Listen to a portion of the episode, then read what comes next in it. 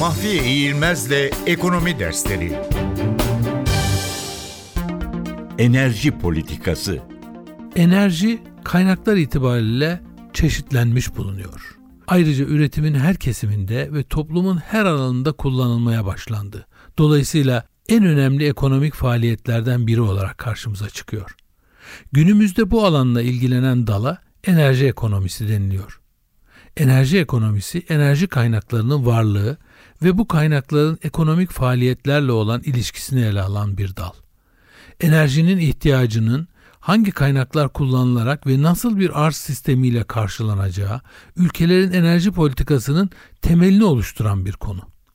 Bir ülke enerji politikasını oluştururken enerji kaynağının bulunabilirliği, fiyat projeksiyonları, enerjinin nakliye imkanı, nakliye maliyeti, enerjinin alınacağı ülkeyle olan ekonomik ve siyasi ilişkilerini göz önünde bulundurmak zorunda.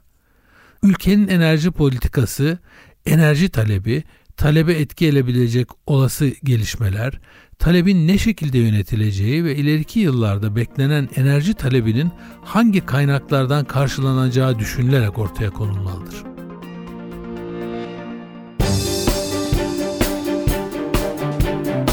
Mahfiye İğilmez'le Ekonomi Dersleri